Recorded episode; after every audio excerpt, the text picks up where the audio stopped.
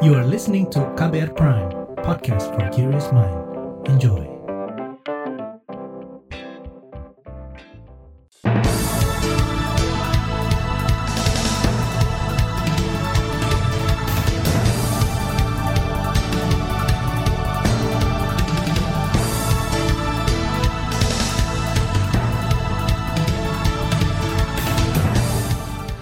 Selamat pagi saudara, senang sekali bisa menjumpai Anda kembali melalui program Buletin Pagi edisi Kamis 15 September 2022. Saya Malika. Sejumlah informasi pilihan telah kami siapkan di antaranya pemerintah tak serius tangani kebocoran data pribadi, pembangunan jembatan percepat mobilitas orang dan barang, pengajuan izin pembangunan gereja Maranatha Cilegon masih diproses. Inilah Buletin Pagi selengkapnya. Terbaru di Buletin Pagi. Kinerja Badan Sandi dan Siber Negara BSSN kembali disorot akibat maraknya kasus peretasan data pribadi. Belum lama ini publik dikejutkan soal bocornya data 1,3 miliar registrasi kartu SIM dari seluruh operator telekomunikasi, puluhan juta data pelanggan penyedia layanan internet dan 105 juta penduduk Indonesia yang bersumber dari KPU yang diduga dijual peretas ke forum pasar gelap. Bahkan rangkaian surat rahasia yang ditujukan untuk Presiden Jokowi dari BIN dan data pribadi sejumlah pejabat di tanah air ikut diretas. Merespon ini pemerintah membentuk satuan tugas Satgas Perlindungan Data Pribadi guna mengantisipasi berulangnya kasus peretasan kebocoran data pribadi dan lembaga. Menteri Politik Hukum dan Keamanan Menko Polhukam Mahfud MD menyebut Satgas telah berkoordinasi dan berdiskusi terkait langkah apa saja yang akan dilakukan Bahkan Satgas sudah melacak keberadaan dan profil peretas.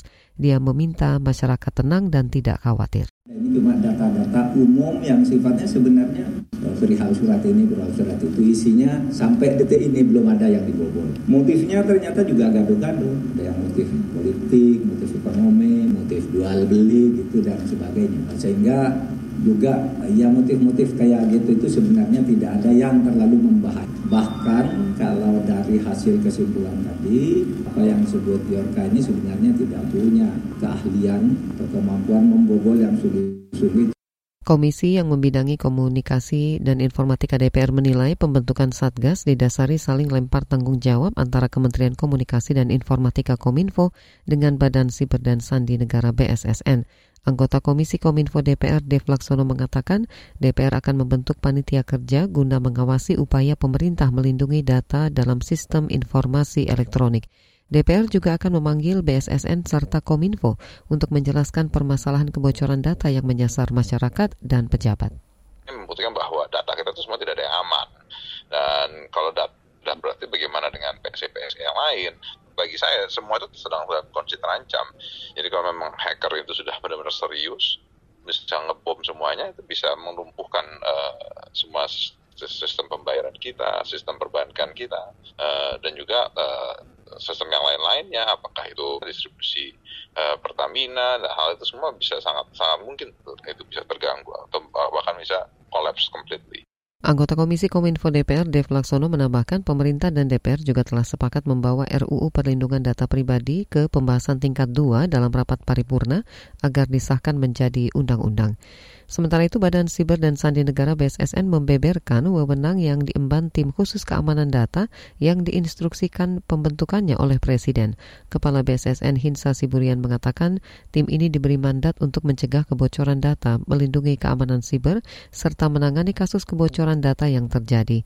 Menurutnya upaya menjaga keamanan siber ini termaktub dalam RUU Perlindungan Data Pribadi yang segera disahkan DPR dan pemerintah. Uh, saya berharap selesai undang-undang PDP ini mungkin ada satu lagi undang-undang setelah itu mudah-mudahan undang-undang keamanan kita cyber. Bayangkan ya, kalau keamanan di ruang cyber itu bukan hanya saya katakan tadi data ya. Kalau ada serangan yang masif yang melumpuhkan infrastruktur itu bagaimana? Nah, itu diatur juga di situ. Karena apa? Tentu BSSN sekarang kan berdasarkan Perpres ya.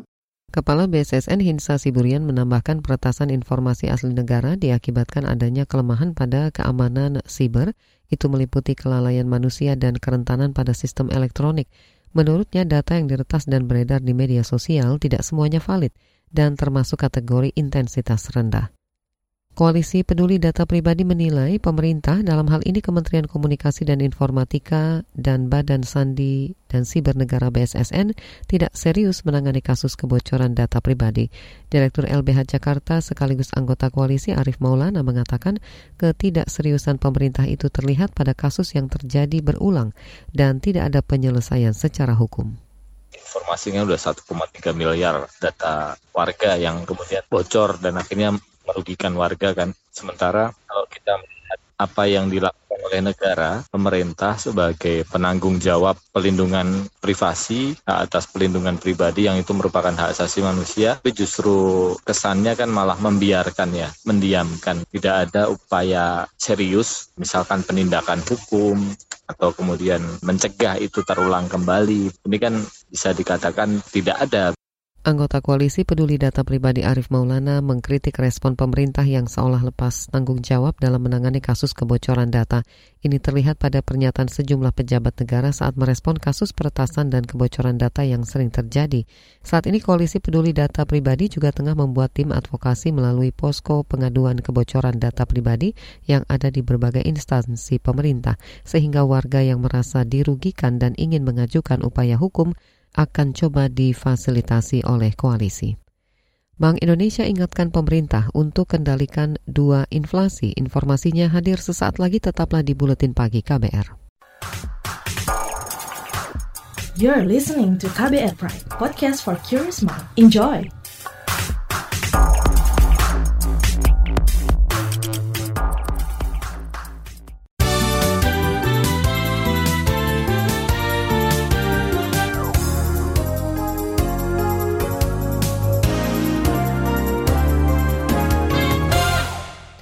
Anda masih bersama kami di Buletin Pagi.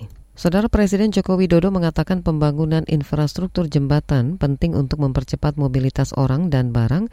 Itu disampaikan Jokowi usai meresmikan jembatan gantung Fair saat kunjungan kerjanya ke Kabupaten Maluku Tenggara, Maluku kemarin. Jembatan gantung Fair memiliki panjang 120 meter dengan lebar 1,8 meter. Jembatan Fair ini penting sekali dalam rangka mobilitas orang maupun mobilitas barang. Dengan kemudahan-kemudahan itu ada kecepatan distribusi barang maupun distribusi jasa. Sehingga Presiden Jokowi mengklaim pemerintahannya telah membangun 200-an jembatan serupa sebagai akses konektivitas warga, baik antar kecamatan, antar desa maupun antar pulau dalam setahun.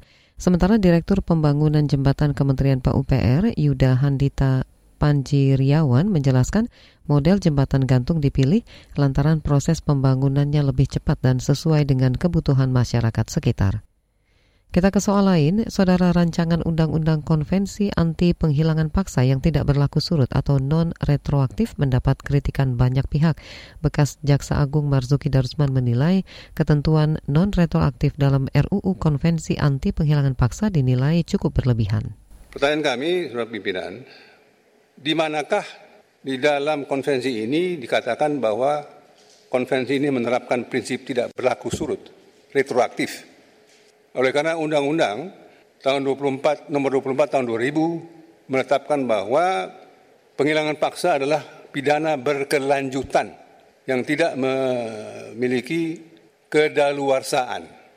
Sehingga pengertian retroaktif ini adalah berlebihan.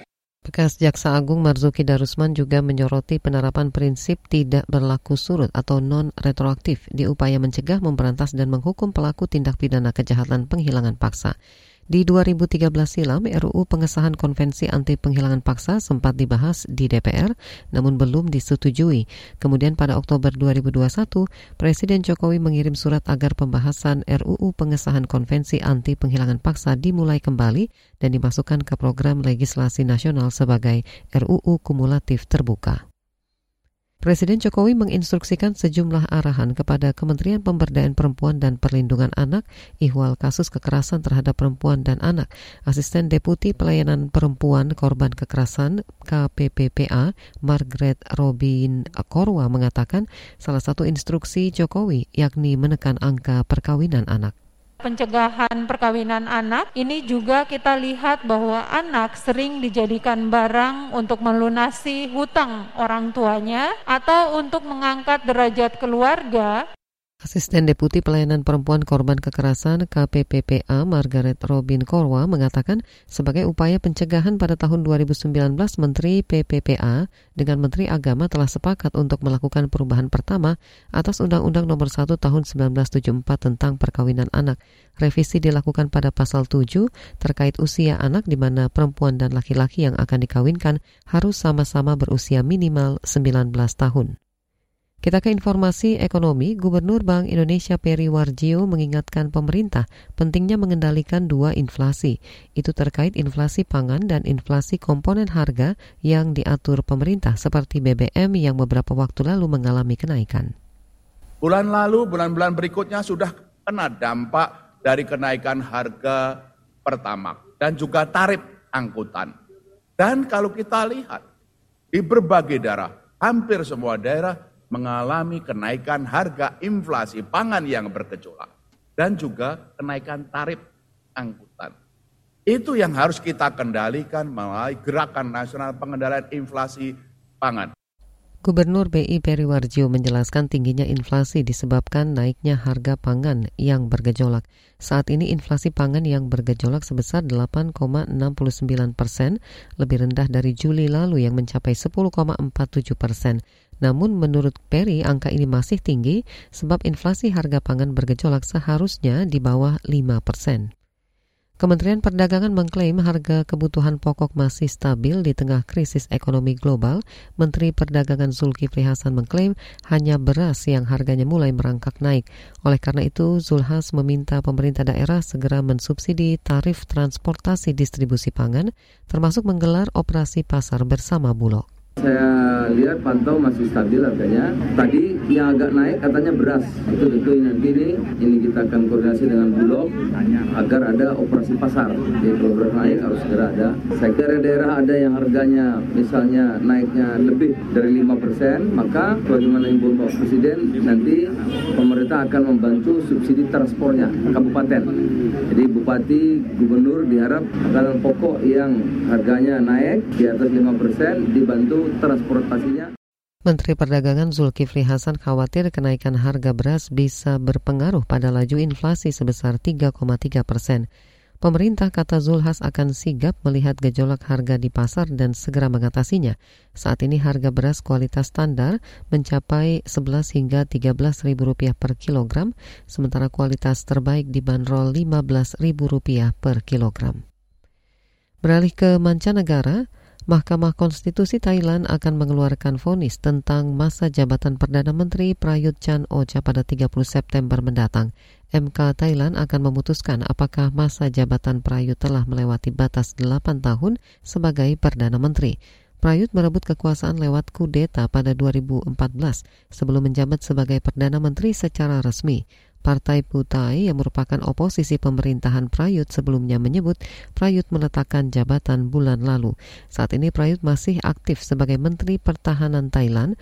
Posisinya sebagai Perdana Menteri sementara ini digantikan Wakil Perdana Menteri Prawit Wongsuwan. Dari dunia olahraga, tim nasional Indonesia mengalahkan Timur Leste di kualifikasi Piala Asia U20 2023 di grup F. Dalam pertandingan yang berlangsung di Stadion Gelora Bung Tomo, Surabaya, Jawa Timur, Indonesia menang 4-0 atas Timur Leste. Sementara tim nasional Vietnam juga berhasil mengalahkan Hong Kong dalam laga kualifikasi Piala Asia U20 grup F kemarin. Vietnam mengalahkan Hong Kong 5-1. Dengan dua kemenangan itu klasemen di grup F mengalami perubahan di mana tim Garuda berada di bawah Vietnam, disusul Hong Kong dan Timur Leste di posisi paling buncit. Laporan khas KBR yang membahas kontroversi wacana penghapusan listrik 450 volt ampere akan hadir usai jeda tetaplah di Buletin Pagi KBR. You're listening to KBR Pride, podcast for curious mind. Enjoy!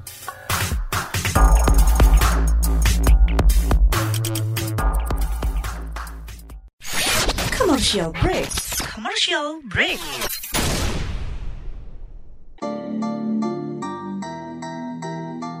Come on yo, buat yang sukanya berhoax, You better listen to this one. Check this one out, yo. Hati-hati kalau baca kabar Hoax, Jangan langsung disebar kabar yang hoax, Kalau mau tahu kabar benar atau hoax, Dengerin cek fakta yang pasti bukan hoax, Dengerinnya setiap Senin yang jelas bukan hoax. Cuma ada di kbrprime.id. Dan aplikasi podcast lainnya Hoax, Sudah cukup-cukup hoaxnya? Hoax. Cukup Jaga emosi, tahan jari, verifikasi sebelum dibagi. Saya Aribo Sasmito, Ketua Komite Pemeriksa Fakta Mafindo. KBR Prime, podcast for curious mind.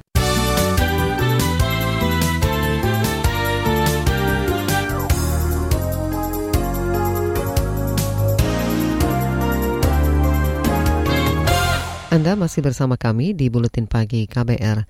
Ketua Badan Anggaran Banggar DPR Said Abdullah mengusulkan penghapusan golongan subsidi listrik pelanggan 450 volt ampere. Alasannya antara lain untuk mengatasi kelebihan pasokan listrik yang dialami PLN. Kini usulan tersebut menuai kontroversi. Selengkapnya simak laporan khas KBR disusun jurnalis Sindu Darmawan. Usulan penghapusan golongan subsidi listrik pelanggan 450 volt ampere disampaikan Ketua Badan Anggaran Banggar DPR Said Abdullah saat rapat panja pembahasan rancangan APBN tahun 2023 Senin pekan ini. Menurutnya, penghapusan tersebut sebagai bentuk pembelaan kepada masyarakat miskin asalkan dibarengi dengan dukungan kebijakan lain. Misalnya, pembagian kompor listrik gratis ke masyarakat miskin sehingga konsumsi bisa meningkat. Kalau 450 naik ke 900, kita bela betul orang miskin. Jangan kemudian dia lagi lagi lagi lagi apa nyuci baju, tiba-tiba suruh matiin dulu karena kulkasnya mati. Karena PLN-nya jelek. Tapi kalau 450 Pak Febri dijadikan ke 900, yang 900 naik ke 1300, satu sisi bantu oversupply, satu sisi menjadi kebanggaan bagi masyarakat. Said awalnya meminta ada reformasi subsidi di bidang energi agar bisa tepat sasaran, sebab selama ini subsidi energi banyak dinikmati mereka yang tergolong mampu secara ekonomi. Dia lalu menyinggung mengenai potensi oversupply atau kelebihan pasokan listrik negara. Kalau IBT nanti masuk, maka tahun 2030 PLN itu ada 41 giga oversupply. Bisa dibayangkan kalau 1 giga itu, karena memang top take or pay, harus bayar 1 giga 3T. Situasi kelebihan pasokan juga terjadi lantaran konsumsi listrik masyarakat jauh dari perkiraan pemerintah. Selama ini, PLN harus membayar kepada penyedia listrik swasta Independent Power Producers IPP untuk pasokan listrik meski kebutuhan tengah menurun. Namun kata dia, rencana penghapusan daya listrik 450 volt ampere belum menjadi keputusan antara DPR dan pemerintah. Wacana itu masih diproses tim perumus. Ini legasi kita bersama. Bagi orang miskin, rentan miskin yang di bawah garis kemiskinan, itu tidak boleh lagi ada 450 volt ampere. Kita tingkatkan saja kebijakannya itu bahwa untuk yang miskin di bawah garis kemiskinan yang rentan itu minimal 900 volt ampere. Menanggapi wacana tersebut, Kementerian Energi dan Sumber Daya Mineral ESDM menyatakan penghapusan golongan pelanggan listrik 450 volt ampere masih memerlukan kajian dan pembahasan lebih detail.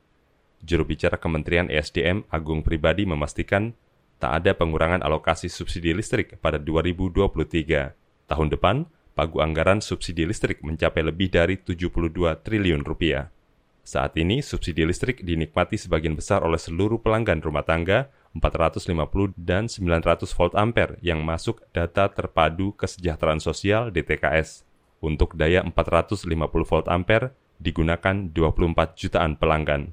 Senada dengan ESDM, PLN menyatakan masih berkoordinasi dengan pemerintah dan DPR terkait wacana penghapusan.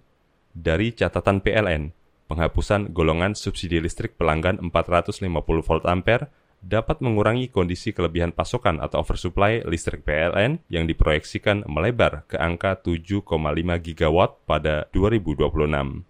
Tak semua kalangan di parlemen sepakat dengan wacana penghapusan golongan subsidi listrik pelanggan 450 volt ampere. Anggota Komisi Energi DPR Mulyanto menolak rencana tersebut. Ini semua karena salah perencanaan dari pihak pemerintah. yang salah memperkirakan demand listrik saat sebelum pandemi. Kemudian pandemi masuk, makin lagi ya kan uh, demand berkurang, jadi surplusnya meningkat. Hmm. Cuma kalau dari pihak kami jangan masyarakat yang dikorbankan. Sebetulnya ada jalan lain bagi pemerintah dan PLN untuk memanfaatkan kelebihan pasokan listrik. Misalnya, mendorong dibukanya kawasan industri dan ekonomi khusus dengan menggunakan jaringan listrik PLN. Cara lain, PLN bisa bernegosiasi dengan penyedia listrik swasta Independent Power Producers IPP untuk mengurangi pasokan. Sejumlah cara itu disampaikan pakar energi Mamit Setiawan merespons wacana penghapusan listrik 450 volt ampere. Kata dia, jikapun jadi diberlakukan, ia meminta ada sejumlah syarat yang harus dipenuhi pemerintah. Jadi jangan sampai nanti mereka begitu pindah harusnya naik. Ini yang saya nggak setuju gitu kan ya. Nah jadi menurut saya e, boleh tapi dengan cara tidak ada penyesuaian harga. Kedua ketika melakukan migrasi dari 900, eh, 450 ke 900 ataupun 900 ke 1300 ke 1200 ya itu ya. Tidak ada biaya administrasi tambahan. Nggak perlu loh pada saat mereka mengganti MCB ada biaya lagi dari PLN misalnya. Itu harus free, harus gratis. Itu yang syarat-syarat dari saya. Demikian laporan khas KBR yang disusun dan dibacakan Sindu Darmawan.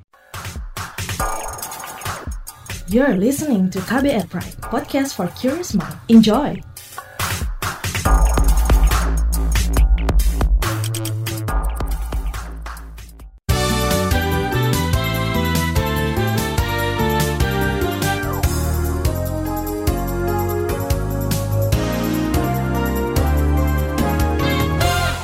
Inilah bagian akhir buletin pagi KBR. Pemerintah Kota Cilegon, Banten menyebut pengajuan izin pembangunan gereja HKBP Maranatha di Kelurahan Gerem masih diproses di tingkat kelurahan. Menurut Wali Kota Cilegon, Heldi Agustian, pembangunan gereja masih belum memenuhi syarat peraturan bersama Menteri Agama dan Menteri Dalam Negeri tahun 2006. Hal itulah yang menjadi dasar Heldi turut menandatangani penolakan izin pembangunan gereja tersebut. Ya, ya intinya bahwa masyarakat kota Cilegon pada saat itu memang berkeinginan seperti itu. Karena sebelumnya kan sudah ada yang namanya uh, dari de, de, ketua DPRD dan para wakil juga. Karena itu kan satu kami memang menjalankan selaku wali kota kota Cilegon perihal mengenai uh, kondisivitas tentunya. Terus kemudian bahwa tugas kami selaku pemerintah kota Cilegon sesuai dengan Undang-Undang 23 tahun 2014 pasal 12E menjaga ketertiban keamanan. Itu tadi Wali Kota Cilegon, Banten, Heldi Agustian. Sebelumnya, saudara rencana pembangunan gereja HKBP Maranatha di Kelurahan Gerem Cilegon, Banten mendapat penolakan. Penolakan datang dari masyarakat yang menamakan dirinya Komite Penyelamat Kearifan Lokal Kota Cilegon. Komite sempat melakukan aksi damai ke DPRD Cilegon dan bertemu dengan Wali Kota Cilegon. Aksi demonstrasi menolak kenaikan harga BBM masih terjadi di sejumlah daerah di Indonesia. Di Jakarta, masa dari pergerakan mahasiswa Islam Indonesia menggelar aksi di depan kantor Gubernur DKI Anies Baswedan, Balai Kota Jakarta Pusat kemarin. Masa sempat membakar ban di tengah jalan dan hampir menerobos masuk pagar Balai Kota. Sementara di Yogyakarta, akun media sosial Gejayan memanggil mengajak masyarakat Yogyakarta menyuarakan protes harga BBM ini di Malioboro, Pasar Beringharjo hari ini. Kita ke Papua, Dewan Perwakilan Rakyat DPR Papua mempertanyakan keseriusan pemerintah menyelesaikan sejumlah kasus kekerasan yang diduga melibatkan aparat keamanan di provinsi itu. Wakil Ketua DPR Papua Yunus Wonda mengatakan hingga kini belum ada kejelasan proses hukum dari berbagai kasus kekerasan itu. Bahkan, kata Wonda, ada beberapa kasus kekerasan yang berpotensi melanggar HAM, di antaranya kasus penembakan enam warga di Paniai, pembunuhan dua pemuda dan pendeta Yeremias Zanambani di Intan Jaya. Mana kasus pelanggaran sampai kasus pandemi mau selesai mana dari tahun 2014 sampai sekarang? Sekarang prosesnya sampai di mana? Tidak jelas juga. Jangan-jangan besok kasus tindakan mutilasi itu pun nanti juga akan begitu ada hilang. Jadi kalau hari ini jadi ada sorotan isu internasional, internasional Papua, negara sendiri membuat orang Papua jadi begini, yang jadi menjadi isu internasional. Harusnya ada jerah hukum. Ini tidak pernah ada sampai. Wakil Ketua DPR Papua Yunus Wonda mengungkapkan ha hampir setiap tahun selalu terjadi kekerasan terhadap warga sipil yang diduga melibatkan aparat keamanan yang tidak jelas penyelesaiannya. Informasi tadi menutup jumpa kita di Buletin Pagi hari ini. Pantau juga informasi terbaru melalui kabar baru situs kbr.id, Twitter kami di akun @beritaKBR serta podcast di alamat kbrprime.id. Saya Malika bersama tim yang bertugas undur diri. Salam.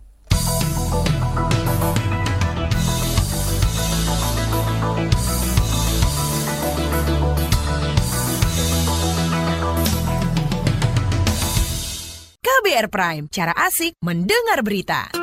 KBR Prime, podcast for curious mind.